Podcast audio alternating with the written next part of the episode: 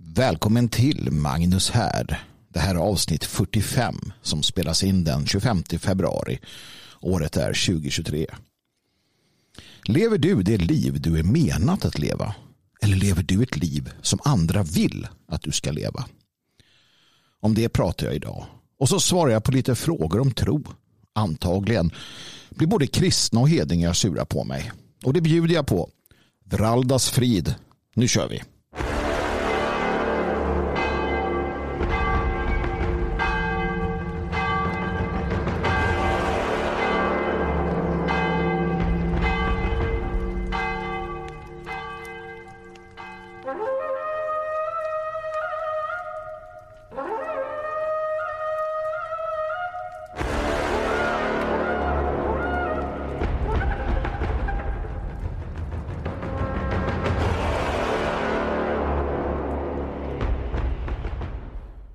Kära medborgare av konsensussamhället.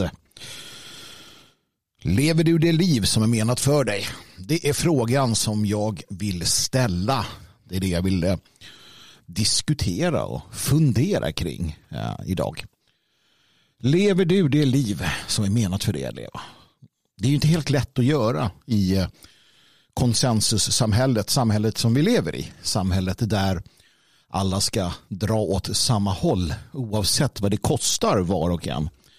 Vad det kostar den enskilde så förväntas vi ändå att, att göra det. Och det finns ju goda skäl till att vi alla försöker att eh, passa in, att vi alla försöker att dra åt samma håll, naturligtvis.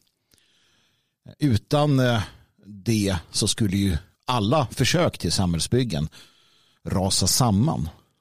Men eh, det är ju problem också med detta. Det är ju problem eftersom att eh, vi fortsätter att kanske då dra åt samma håll även när det inte är till gagn vare sig för samhället som sådant eller för oss själva.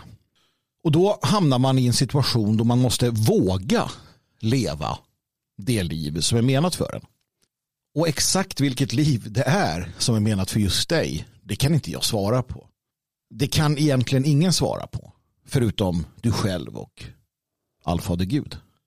Man kan eh, misstänka, man kan eh, känna, som när man tittar på sina barn. När man eh, tänker hur de är, hur de fungerar, hur de resonerar, hur de är i kynnet. Då kan man börja få en uppfattning om vartåt det borde barka hän. Sen är det inte säkert att de kommer att eh, uppfylla den potential eller det de facto öde som de har. Och jag tror på att vi har ett öde. Jag tror att eh, det finns en plan, en mening, en, en orsak. Det är inte bara slumpen. Det är ett problem om det är så att det finns något mer men att vi alla någonstans inte lever efter det. Och det är det jag tror vi ser. Framförallt idag. Hur eh, många upplever en eh, tomhet inom sig. En tomhet som eh, är ständigt närvarande. En tomhet i eh, själen. En tomhet i djupet av ens kropp. En tomhet i mitten av bröstet. En tomhet som är påtaglig och som är skrämmande och som kan göra ont. En, en tomhet som många inte vet hur man ska hantera. Jag tror att du alla eh, jag tror att alla har, har känt det här. Jag tror att ni alla som lyssnar känner igen er i det här. Att den finns där hos er också. Människor gör olika saker för att bedöva. För att fylla, för att gå vidare. För att det blir lite för konstigt, det blir lite för mystiskt, för overkligt. Vi är ju alla rationella och vetenskapliga varelser.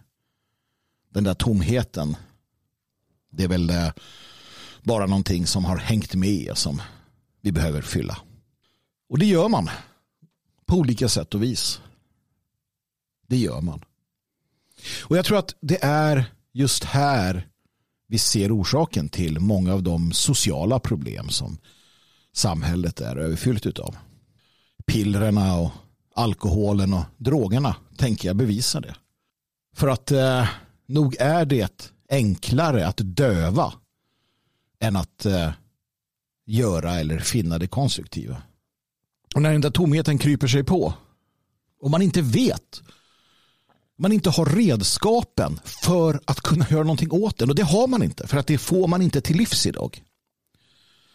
Skolan, denna nihilistiska institution, ger inte redskapen.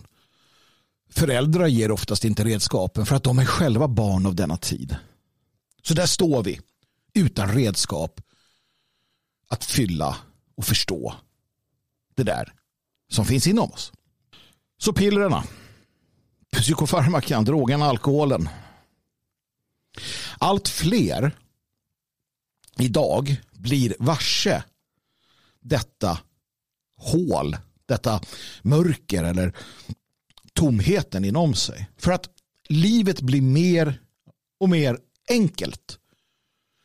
Det vill säga, man behöver inte kämpa för tillvaron. Man behöver inte gå upp tidigt, gå ut på åken, arbeta sitt anletes svett. Man behöver inte försvara sig. Man behöver inte göra allt det som en gång i tiden var det som människan ägnade hela sin vakna tid åt.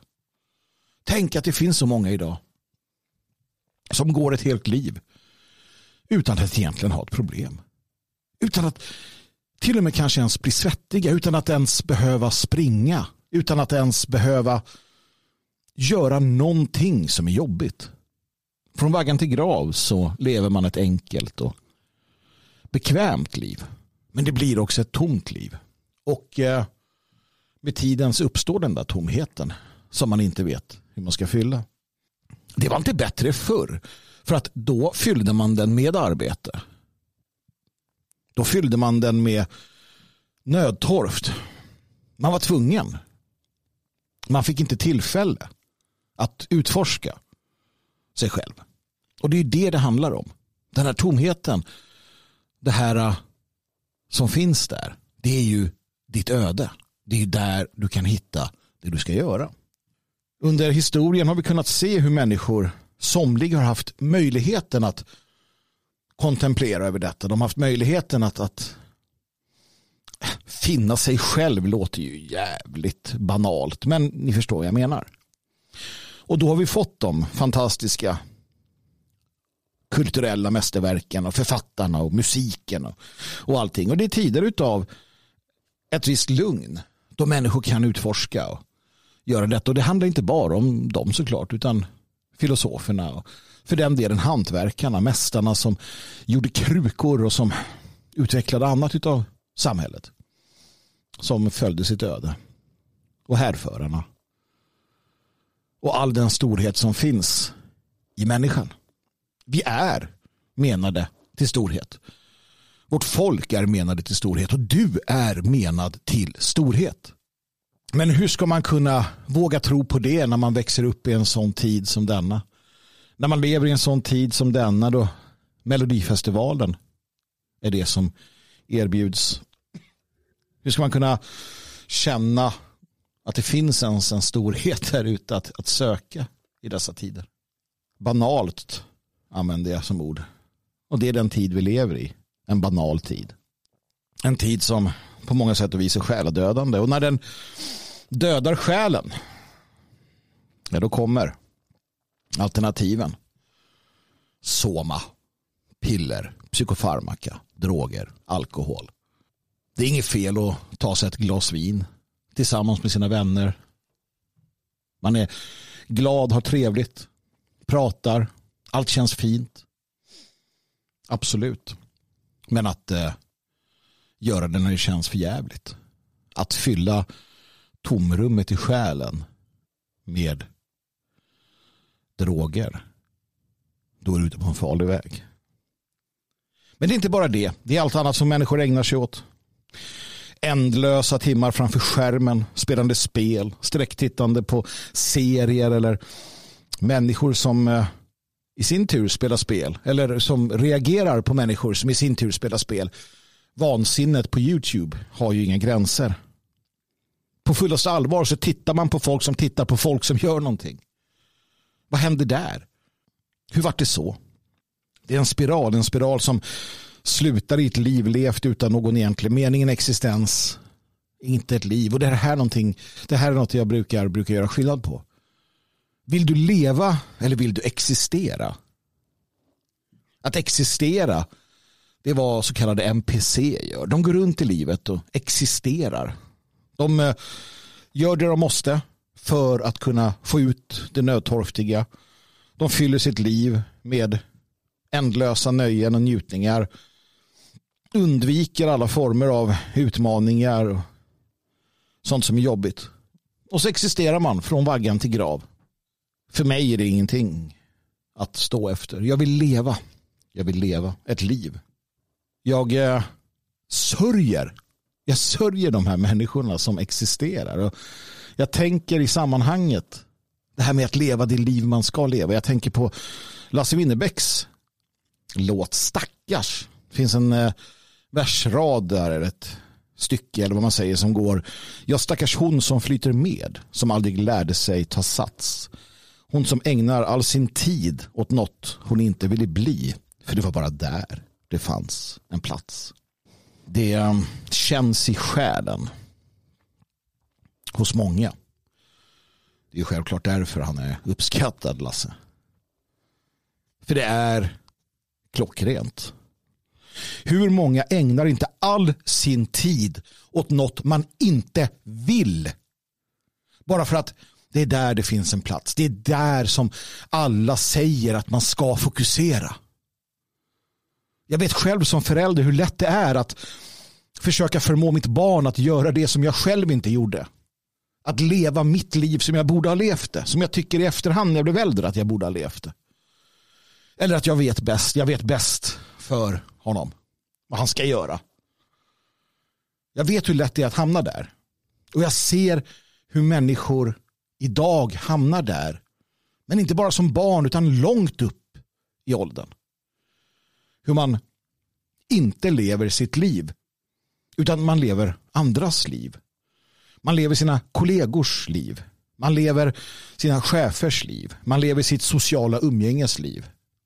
För att det är enklare så. Och man mår dåligt. Och det gnager inom en. För man vet att man borde göra något annat. Man vet att man borde sluta flyta med. Man borde ta sats. Och man borde ägna den tid åt det liv som är menat för en. Vuxna människor lever liv som de vet drar ner dem. De andas inte fri luft.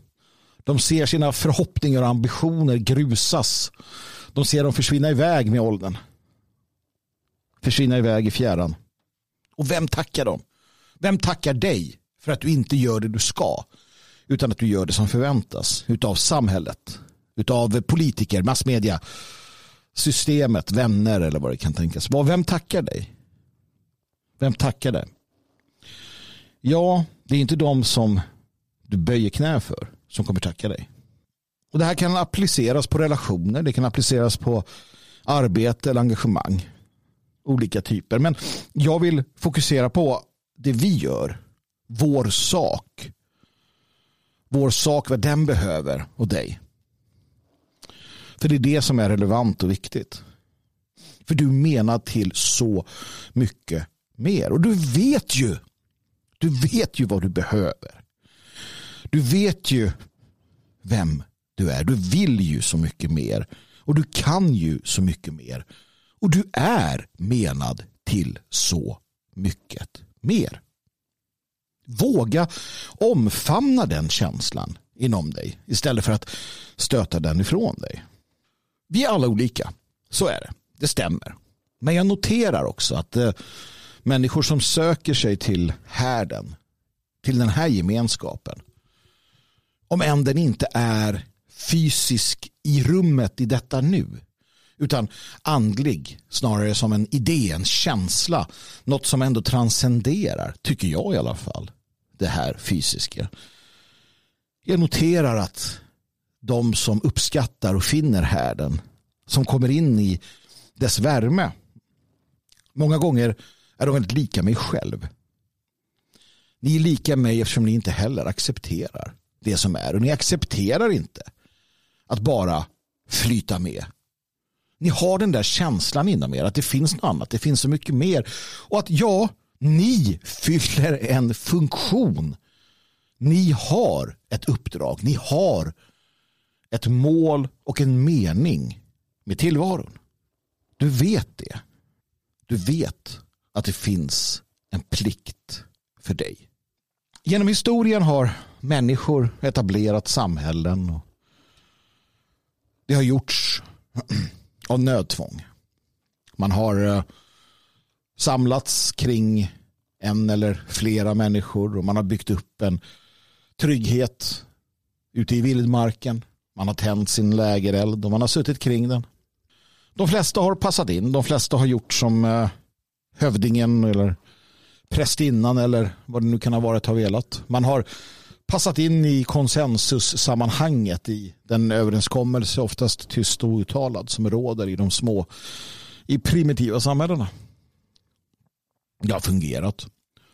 Man har arbetat, man har eh, sett till att skapa framgång. Man har försvarat varandra, tagit hand om varandra. Och det där växer sen till samhällen och stater och andra typer av sammanslutningar. Det är en naturlig process. Men det har också alltid funnits de som har suttit kring den där lägerelden och inte känt sig hemma. De kan ha känt att någonting är fel.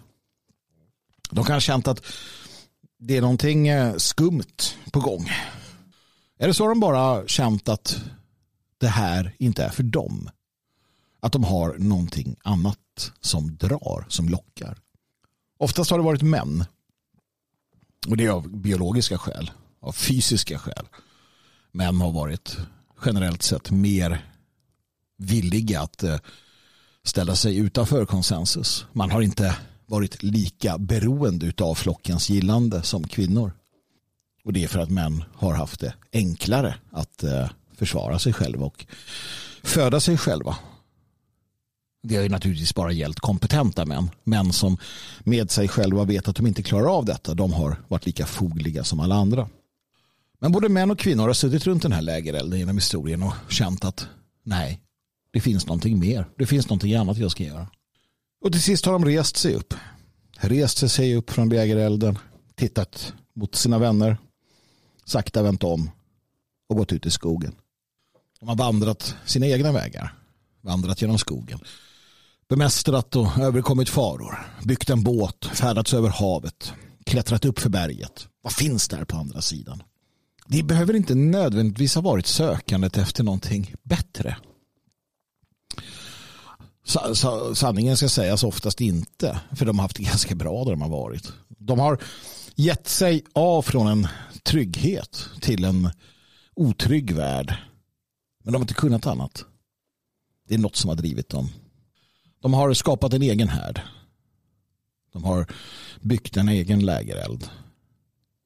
Skapat ett eget land. Startat ett eget folk. Och sen med tiden, eonerna går, eller århundraden eller vad det kan vara, så bryter sig någon loss från det. Och så fortsätter det. Härdens folk är lite likadan. Vi eh, ser samhället och vi sitter runt lägerelden som är Sverige AB.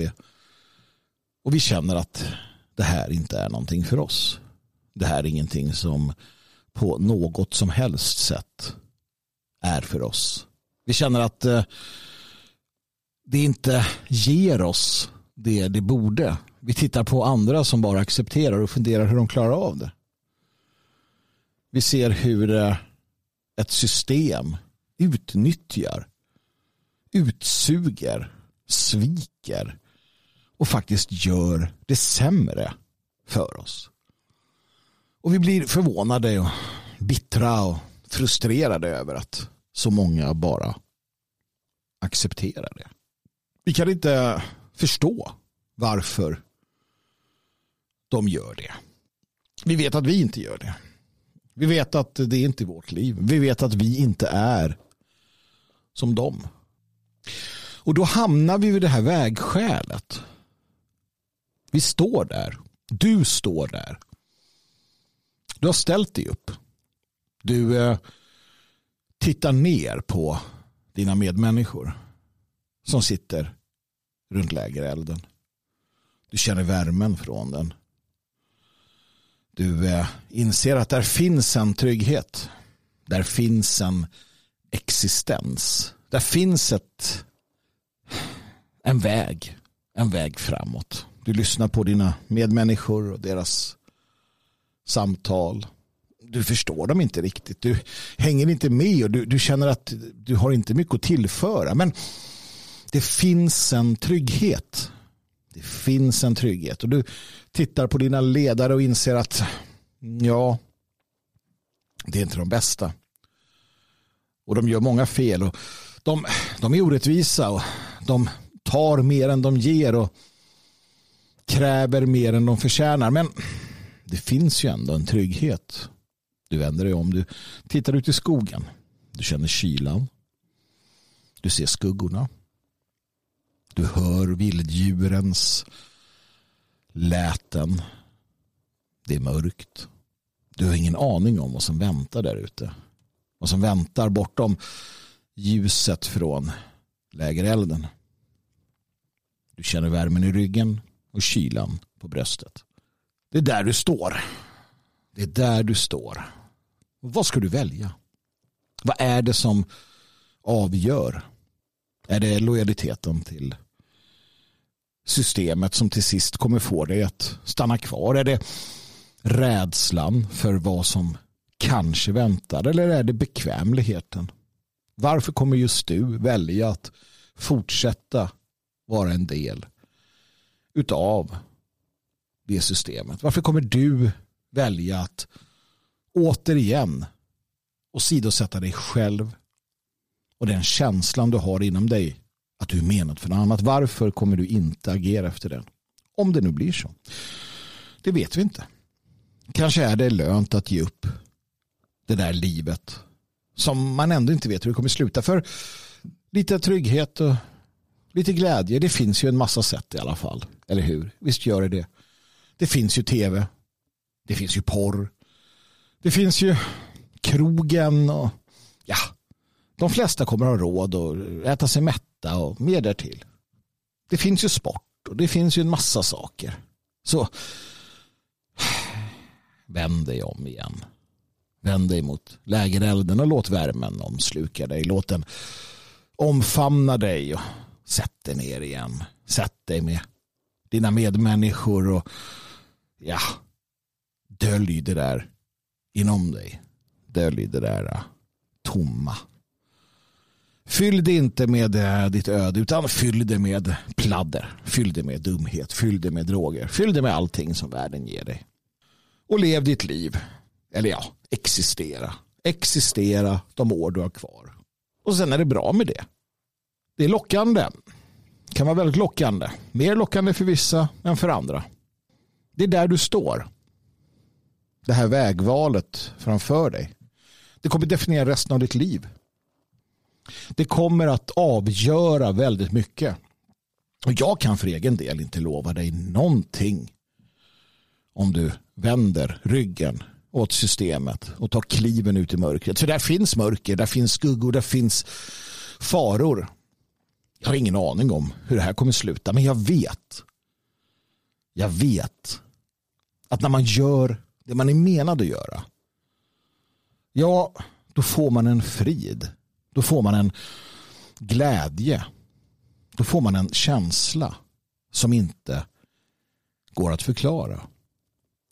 Man vet att man, ja, jag vet inte om det låter löjligt, men det är som att allfadern, universum eller vad du nu vill, sänker sin hand över dig och visar att eh, du är på rätt väg. För vad som än drabbar dig, vad som än händer, vad än konsekvenserna blir så har du den känslan att du gör rätt och räds inget. Det är som våra förfäder så ofta talade om. Så vad finns där i skuggorna? Jag har ingen aning. Du står där och känner värmen på ryggen och, och kylan från skogen. Jag vet lite vad som finns bortom trädgränsen. Där du, när, du, när du gått en bit när, eh, när du tagit några steg extra, när du börjar närma dig trädgränsen, när du kliver in i skogen. Jag vet vad du kan hitta om du vill. Helt plötsligt så är det mörkt. Helt plötsligt så är den där eldstaden du har lämnat bara en liten prick bakom dig. Det är kallt. Det är ensamt ofta. Men rätt vad det är så hör du någonting. Ser du någonting? Du ser kanske en annan eld. Eller du hör klingande skratt eller skålande glas eller vad det nu kan tänkas vara. Du tar och går sakta dit, trevande framåt. Och du ser människor. Människor som är som du. I många fall. Människor som har gått från norr och söder, öster och väster, upp och ner och fram och tillbaka och hittat varandra. Det är en eh, brokig skara människor. Du kommer inte passa in hos alla. Du kommer inte ens tycka om alla. En del kommer du rakt av tycka är riktiga jävla stolpskott. Men du inser efter ett tag att ni delar vissa grundläggande saker med varandra. Ni har alla känt att det finns någonting mer. Det finns ett annat öde att uppfylla. Det finns en gemenskap i det. Eller så kommer du inte träffa dem. Du kanske väljer en helt annan väg. Jag har ingen aning.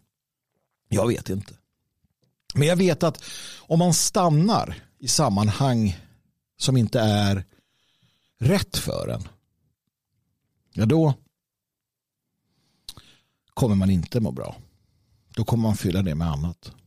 Och det är därför som jag eh, menar att du måste våga lyssna på ditt inre.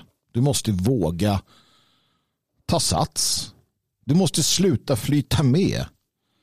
Och du måste sluta ägna ditt liv åt sånt som inte är menat för dig. Du måste se det val som är och ta det på allvar. Och sen måste du bestämma dig för hur du går vidare. Och det kan ingen göra åt dig. Det är helt och hållet upp till dig själv. Men jag vet vad som finns där ute i skogen. I alla fall på en plats som du får leta dig till. Du har delvis redan hittat den. Du som lyssnar på det här är på väg dit. Du har kartan, du har kompassriktningen och du vet att du kan hitta oss. Och när du hittar oss så kan jag inte göra annat än att hälsa dig varmt välkommen till härden.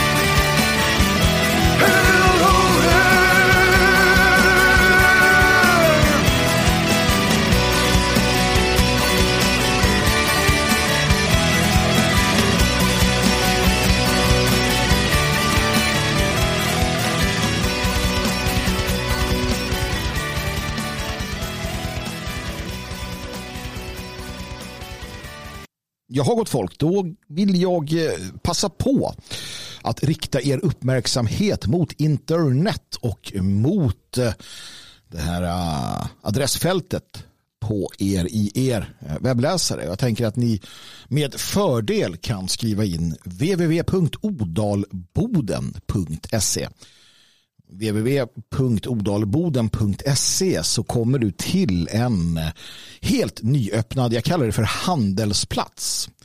Ni känner ju sedan, till, eh, sedan tidigare till hagal.se där eh, mitt eh, lilla egna klädmärke Hagal plus en massa trevliga stödprodukter för Magnus Härd fanns. Det här har utvecklats nu till en handelplats för, som jag säger, den moderna allmogen, de fria svenskarna där det finns sånt du definitivt behöver. Vi, eh, och när jag säger vi så är det jag och Josef, min vapendragare, som eh, tillsammans eh, arbetar med detta. Gör det med syftet och själva grundtanken att hitta trevliga och bra saker som vi själva uppskattar och erbjuda dem också till er andra. I dagsläget så finns naturligtvis Hagalkläderna där. Det finns stödprodukter för Magnus Härd men vi har också tagit in ett fenomenalt bra självförsvarsspray som var och en med lite klokskap i huvudet eh, behöver. Det är en sån där sak som det är bra att ha när den behövs. Men man hoppas att man aldrig behöver den. Odalboden.se, där kan du hitta den bland annat. Och allt eftersom tiden går så kommer vi ta in mer och mer vettiga saker. Sånt här som man behöver i sin vardag. Det kommer vara en riktig handelsplats, en handelsbod tänker jag, hoppas jag. Där du kan hitta allt möjligt. Där du kan hitta allt möjligt som du ja, till och med kanske inte ens förstod att du ville ha. Så att gå in på odalboden.se. Då hjälper du till att eh, stötta naturligtvis också Magnus Härd. Du hjälper till att se till så att vi skapar de här alternativa strukturerna som är så viktiga i vår tid. Du ser till att hjälpa till att göra vår opposition så mycket starkare. Välkommen alltså till odalboden.se. Då var det dags för en av de trevligare inslagen som jag har i härden och det är när ni kära lyssnare hör av er till mig med frågor. Frågor och funderingar om olika slag. Och jag har fått ett mejl. Det är ofta så som man eh, kommunicerar med mig på lättast sätt. Magnus at proton.me Magnus Hard, alltså Magnus H-A-R-D proton.me och här skriver då eh, lyssnaren följande. Hej Magnus, jag har några funderingar kring kristen teologi och lite annat. Och jag tar gärna emot dem och ska försöka svara så gott jag kan. Och, det är ett antal frågor så jag tar dem en efter en. Första frågan lyder, jag skulle vilja höra lite om hur du blev kristen. Och ja, blev och blev. Jag tror att det var jag nog redan från början. Någonstans. Eh, jag har alltid, jag kommer inte alls från något kristet hem, snarare tvärtom. Eh, väldigt sekulärt. Men jag har ändå redan från när jag var liten, jag drar mig till minnes hur man när man var rädd för mörkret eller det var någonting när man skulle sova eller man var ledsen över någonting eller så, så sökte jag mig alltid eh, per automatik till Gud. Var jag kristen? Jag förstod inte riktigt vad det innebar men, men själva grundidén greppade man tidigt. Grundidén om förlåtelse, grundidén om frälsning och grundidén om skydd. Och det är sådana där saker som följer med. Det finns en trygghet i det. Exakt att det var en kristen tro eller att eh, hur den skulle gestaltas eller hur den skulle så att säga levas. Det, det, har, det har jag inget minne av att jag förstod på det sättet. Vi gick inte i kyrkan eller sådär. Jag konfirmerade mig inte ens i, i Svenska kyrkan. Och det är någonting som jag i efterhand har kommit fram till att det är ingenting som man, man behöver stå efter heller. Den här typen av mänskliga mänskliga traditioner som jag menar att det är. Det är trevligt i sig. Va? Det är inget fel med det. Men det finns inget magiskt i det. Det finns ingen, ingen liksom magi i att du måste göra ditten eller datten. Det är väldigt tydligt eh, den här förståelsen för att det, det är fadern och det är sonen som medlaren och det är jag. Det här med behovet av medlare på jorden det ser jag väl inte som särskilt eh, nödvändigt utan samtalet med med Fadern i bönen är alltid det som har varit eh, intressant för mig. Ja. Och det är på den vägen det är. Sen har jag studerat och funderat och förläst mig och beläst mig när det kommer till teologi och till olika uppfattningar och till olika trosinriktningar och, och allt man kan tänka sig. Det är inget jag egentligen rekommenderar så här i, i efterhand. Ofta får man fler frågor än svar. Och någonstans har jag varit tvungen att acceptera att det inte är en i allt väsentligt intellektuell övning. Utan tron måste ju finnas där. Alltså du, du, du, du, du måste tro. Du måste tro på eller lita på Gud. På, på den kraften, på den, ja, hur du nu väljer att definiera den. Att hitta den här bokstavstroende ortodoxin, det tenderar när jag tittar på mina religionshistoriska studier, tenderar att leda till eh, ganska knepiga saker den ena ortodoxin som ska slå ihjäl den andra ortodoxin. Det är ingenting som jag uppskattar. Jag tror inte att det är någonting som fadern heller uppskattar. Och det är här jag brukar göra kristna arga när jag, när jag säger sådana saker. Så att låt mig göra de kristna ännu argare. Då. Så att de till sist säger att jag inte är kristen. Det brukar de säga. Jag brukar ofta påpeka det att kristna kallar mig hedning och hedningar kallar mig kristen. Uh, och det är helt, helt okej. Okay. Fråga två, skulle du kunna förklara treenighetsläran? Nej, det kan jag inte göra. Jag har hört alla möjliga omöjliga förklaringar. Symboliken med ägget, förvisso en ganska trevlig och intressant symbolik. Eh, men, eh, och nu kommer det. Nu kommer det. Jag är inte så säker på att eh, vi kan köpa den där treenighetsläran som man kom överens om. Jag vet inte om det var i Nicea. Är det där man kom överens om den? Ni vet, det fanns en, låt oss kalla det kristen tro, långt innan den romerska kyrkan bestämde vad som var en kristen tro. Det fanns massor med olika idéer om vad den kristna tron innehöll eller inte skulle innehålla. Och det fanns en massa evangelier, en massa böcker, en massa skrifter som som, som innehöll en massa andra idéer. Och sen kom man överens om där vid kyrkorådet i Nicea att nej, men det är de här böckerna som gäller.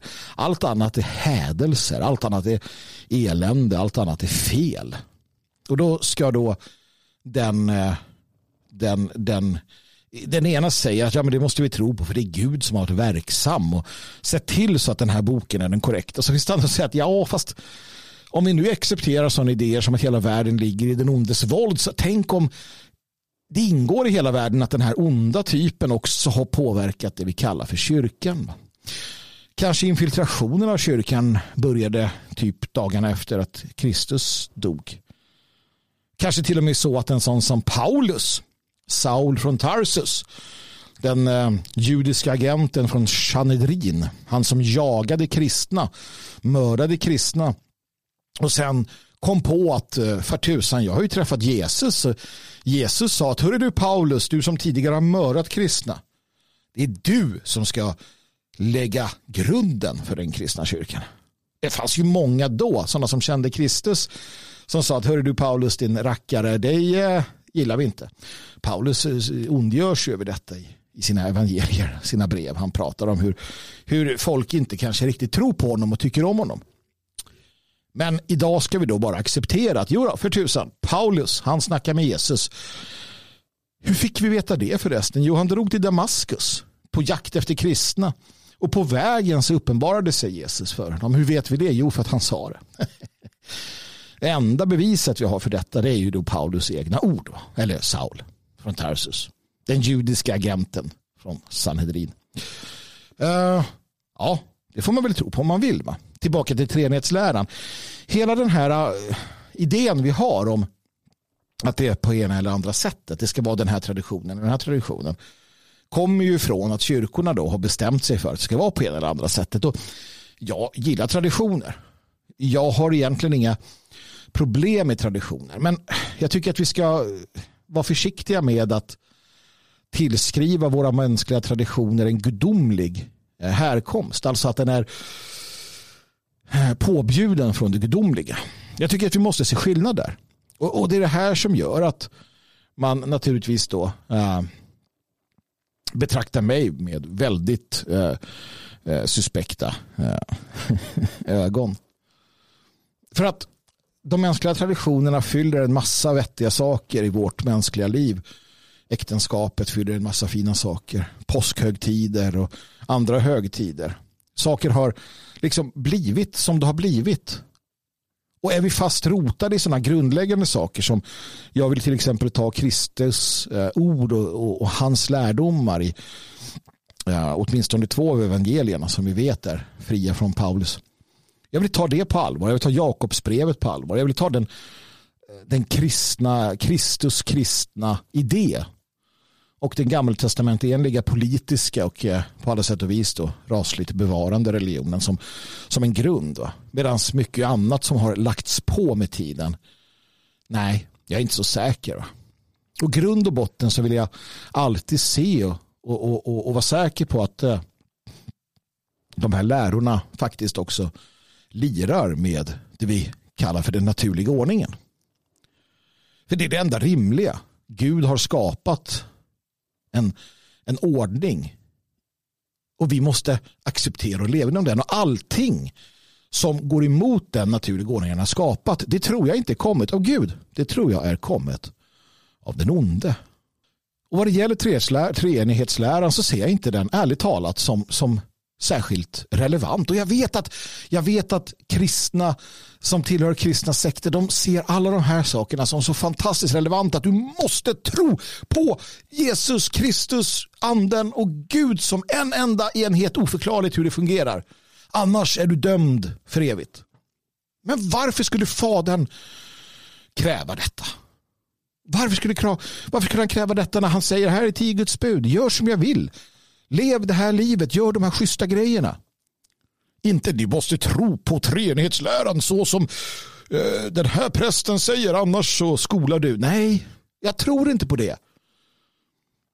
Min relation till fadern, det är som relationen mellan barnet och hans far.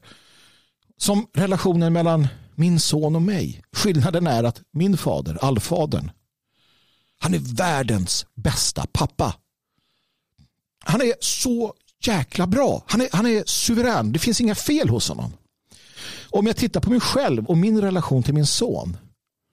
Och så tänker jag att jag är ofullkomlig och jag är ganska dålig. Det är vi alla. Vi gör vårt bästa. Så tänk då relationen mellan din son och dig och du själv och Gud. Och där börjar du hamna någonstans. Jag menar, kom igen nu. Skulle du kräva en massa saker av din son som är liksom orimliga. Annars så ska han brinna. Nej, det skulle du ju inte. Varför skulle fadern göra det mot oss? Det, det är orimligt. Det är, en, det är inte en, en, germansk eller arisk gudstro som, som, som då representeras. Och då kan de som tillhör sina sekter tycka vad de vill. Men ärligt talat, måste du göra 25 Ave Maria för att du varit otrogen? Är det i den mekaniska bönen som någon botgöring görs? Är det det som får Gud att ändra sig om dig? Om du har betett dig som ett svin och så säger prästen gör 25 Ave Maria och, och böj dig tio gånger till liksom Rom. Då löser Gud dig från, från det. det. Det är den tron man har då. Det krävs den mekaniska. Nej, jag accepterar inte det. Och har jag fel så får jag väl brinna i det katolska helvetet. Men min fader, relationen med min fader är något helt annat. Den ariska religiositeten har alltid varit andlig, inte mekanisk. Sen tar vi till oss riter och ritualistik för att levandegöra och medvetengöra. Men jag vill predika ett budskap om att du måste prata med Gud själv. Sen kan vi som folk och som ras hitta en massa trevliga och vettiga saker som vi gör för att förstärka den här tron och kärleken till varandra och till vår fader. Men det är inte avhängigt detta. Din relation till Gud är inte avhängig detta. Ni är alla, säger Kristus själv, ni är alla kungar och präster. Bete er som kungar och präster inför honom och allfadern. Det räcker. Jag behöver egentligen inte säga mer. Där har du det hela. Ni är alla kungar och präster. För Guds skull bete er som kungar och präster inför Gud. Det är det han vill. Så nej, jag kan inte förklara treenighetsläran. Däremot kan jag säga åt dig att bete dig som en kung och en präst. Vad är min syn på helvetet? Nästa fråga. Ja, ungefär likadan. Jag vet inte. Men eh, jag tycker att det verkar orimligt. Jag tycker att det verkar orimligt utifrån flera perspektiv. Och jag hittar egentligen inga jag hittar inga egentliga stöd för själva idén. Det verkar som att eh, kyrkan, den organiserade religionen, kom på en eh, bra grej för att skrämma de själar de försöker fånga och binda till jorden till sig själva genom att säga att om du inte gör som vi säger, om du inte gör som den här prästgubben säger, den här påven, ja då brinner du för evigt i helvetet. Nej, jag tror inte det. Jag tror inte det. Jag tror att det finns värre saker också. Jag tror att det finns värre saker. Om det nu ska pratas om att det ska gå illa för en. Till exempel idén om att du får veta att, eh, att det var sant allting. Att du får eh, eh, en uppenbarad eh, liksom, idé om att eh, Gud uppenbarar sig för dig och du blir fullständigt medveten om att, att det var sant. Att du hade chansen men att du tabbade dig. Det, det är värre än helvetet, ärligt talat. Och den här idén om att du ska vara halvvägs där ett tag, 2000 år i skärselden och sen får du komma tillbaka för du ska renas. Det är ju, det är ju inte schysst. Och jag tror inte att fadern, min Gud är sån. Jag tror inte att vår ras Gud är sån. Jag tror inte att alltet skapare och den stora byggmästaren är sån. Ja, jag, jag köper det inte. Och som sagt, jag kan inte hitta några som helst eh, jag kan inte hitta några som helst eh, språkliga eller, eller andra liksom, eh, tecken på att det var någonting man, man lärde ut. Den, den absolut tidigaste kyrkan som vi känner till, den som jag kallar för den skytiska då, eller den eh, germanska om du så vill, innan den romerska, alltså den iroskotska kyrkan. Så jag, jag tycker inte att jag kan hitta dem eh, de idéerna där heller utan det är någonting som verkar dyka upp med den romerska kyrkan. Uh, vad tycker du om den katolska kyrkan? Eller snarare det, det verkar han ha koll på. Vad anser du om den östortodoxa? Eh, eller för den delen den protestantiska. Jag tycker att det verkar som att alla de här stora kyrkorna som kräver att binda oss till just sin dogm är ett problem. Jag gillar den eh, gamla fria ta den skotska klankyrkan, den giroskotska kyrkan innan. Um, där, där du ha, hade då, där i princip familjen, alltså klanen, stammen, valde sin eh, pastor. Och sen levde man ett så gudfruktigt liv man kunde. Eh, man eh, såg till att, att eh, försöka följa de här äh, budorden och man lyssnade på, på prästens ord och man, man äh, utforskade i den mån man hade tid, ork och lust mysterierna. Naturligtvis var det en, som alltid en viss samhällsklass eller vissa som gör det men andra gjorde det inte. Och man fick till äh, livs framförallt då visdomsord. Jag tror också att det är kyrkans roll att lära människor om Gud och Guds vilja genom att predika hur man ska leva ett bättre liv. Hur man ska komma närmre Gud eller allfadern och hans vilja som är hans lagar, hur du ska bete dig. Predika mycket mer om, om de delarna än att som jag har varit på katolska gudstjänster, du ska ner på knä, upp på knä, ner på knä, upp på knä. Och sen ska Bibeln flyttas från höger till vänster tid och sen ska det ätas oblater och sen ska det drickas någonting och sen ska det mässas någonting och sen ska man göra eh, korstecken och det är samma i östortodoxa. Det ska svingas um, rökelse och så vidare. Alltså, återigen, det, det, får man väl göra om man vill. Va? Om man känner att det är en ritualistik som fördjupar din relation med, med fadern. Men, men som, som german så är det de vitkalkade kyrkorna. De avskalade, den andliga tron som, som eh, tilltalar mig. Det är som Kristus säger, gå in på din kammare i tysthet och be prata med fadern. Han säger inte stå i den stora katedralen som kostade asmycket pengar Eh, och mässa inför alla och liksom försöka framstå som någonting i pråliga kläder. Jag hittar inte det. Det är en tradition som har växt fram i efterhand och visst accepterar folk det så kör på. Samma sak den östortodoxa. Men alla kommer från den här idén om att de har rätt. Jag menar, titta på splittringen mellan öst och västrom. Och det handlade ju om sådana konstiga saker som liksom, ja men ja, fadern och sonen och anden, är anden verkligen? Och så höll man på att tjabba om det där. Medan Gud sa, kan ni, kan ni liksom, kan ni kasta ut djävulen istället? Kan ni ta itu med den här onda som, som fördärvar vårt folk? Kan ni göra något åt det eller? Eller ska ni liksom Hepp, det kan ni inte. Utan, hallå, kan ni välja Gud framför mammon? Nej, det kan ni inte. Och idag, som sagt, att göra Guds vilja idag det är att leva enligt de naturliga lagarna. Det har alltid varit naturligtvis. Ehm, och det gör man i olika utsträckning. Men jag är skeptisk till all form av vad vi kallar för då organiserad religion och all kristen religiositet som är världslig i den bemärkelsen att de accepterar rasfrämlingar. För det är så vansinnigt tydligt att Gud eh, kräver segregation. Kyrkan ska vara segregerad. Vi har samma Gud, ja det har vi. Vi har samma skapare, men han har olika relationer till olika folk och raser.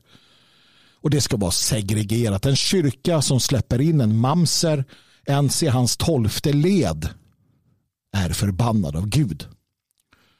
Och så enkelt är det. Så enkelt är det. En kyrka som inte segregerar är en kyrka som går emot Guds vilja. Och det är jag säker på efter att ha tittat på, studerat och jämfört och slagit upp vers efter vers efter vers. Och i enlighet med de naturliga lagarna och där lirar de så vansinnigt bra. Guds vilja, det som sägs i gamla testamentet, vad Kristus lär och de naturliga lagarna säger alla samma sak om detta. Och så enkelt är det. Så vad tycker jag om den östortodoxa kyrkan? Ja, om den är för eller tillåter rasfrämlingar, då är den inte av Gud. Och det gäller samtliga andra också. Hur rimmar det då min synkretism mellan eh, det hedniska och det kristna? Ja, det här med eh, alltså min inställning till eh, det hedniska, eh, det hedniska arvet och de hedniska gudarna med litet g då. Och min syn på uh, första budordet, hur ska inga andra gudar ha jämte mig. Man ska, som det står i Bibeln, förkasta styrkan av Moloch och Bal, de kananitiska gudarna. Och man blotade människor till gudarna i Sverige och man säger att barn offrades. Jag vill säga så här att vi vet i princip ingenting om hur vi eh, utövade vår religiositet i Sverige. Men naturligtvis fanns det blodskulter. Det har det alltid funnits. Finns det i alla möjliga religioner. Det är ju, det är inte bra. Det är tokigt. Men eh, mycket av det som vi tror oss veta om den eh, nordiska hedendomen det är ju sånt som vi har liksom hittat på. Um, det finns mycket forskning just om det också. Att, man, man, har ingen egentlig koll. Man tittar, tittar kanske på hur andra folkslag har varit uh, under vissa perioder av deras utveckling och sen så har man applicerat det också på, på oss och så vidare. Men absolut, uh, blodsoffer och sånt där, det är ju skit. Och eh, jag ser det liksom ingen, ingen, eh, inget välgörande med det.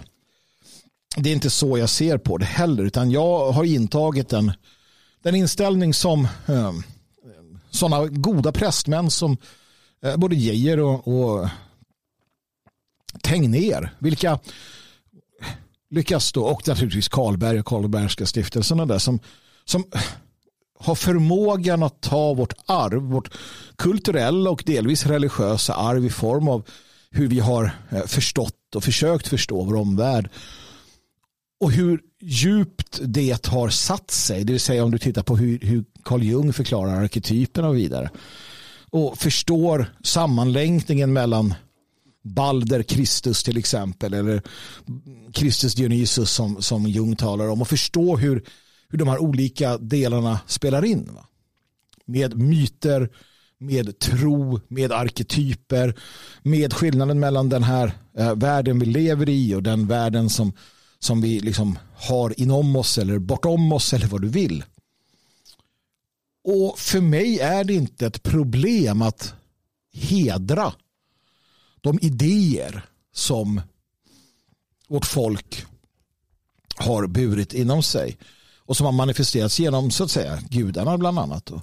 Eller för den delen eh, och för den delen då kunna hålla min eh, tro till den monoteistiska idén då om allfadern, om allfader Gud.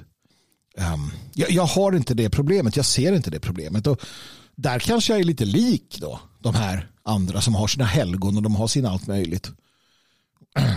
Jag, jag är bara säker på att jag behöver ingen medlare mellan mig och Gud. Ehm, jag behöver inget helgon att be till.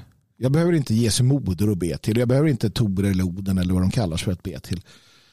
Men jag vet att det finns kraft och jag vet att det är inom ramen för den gudomliga värld som jag lever i, den värld som har skapats, finns krafter i symboler, det finns krafter i, i ord, det finns krafter i de arketypiska, eh, den arketypiska världen. Och det är ingenting som på något sätt motsätter sig eh, uh, allfader Gud. För att det är allfader Gud som har skapat den värld jag lever i och de lagar som jag existerar inom. Blod, blodsminnet, vikten av San Real, det kungliga blodet och vad vi bär med oss och allt möjligt. Allt det här är en, en del av det mysterium som livet utgör och som, som, som allfadern har satt oss i. Så att det är att göra hans vilja, att förstå universum, att förstå sig själv, att studera den, den fantastiska plats han har skapat till oss. Och en del av den förståelsen är arketyperna. Det är hur, hur vi lär oss att förstå vår omvärld och i vissa fall ger den namn då, eller som man då efterhand kallar det för gudar med litet g. Men du ska icke ha någon annan gud. Du skulle inga andra gudar hava jämte mig. Och det, det har man ju inte. Alltså, om du inte sätter din tro eller ditt hopp till eller tror att de här olika andra gudarna är någon form av faktiska gudar.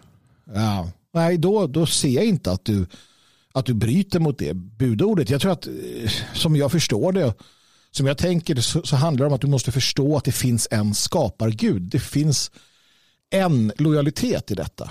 Och det är allfadern. Det, det är han som är liksom den lysande fixstjärnan. Om du sen rent kulturellt i någon form av eh, uppträdande folkligt eh, till och med eh, har eh, någon form av liksom, ja, eh, vad det gäller det hedniska då till exempel, att du, att du eh, iscensätter ett blot eller vad vi kallar det för då.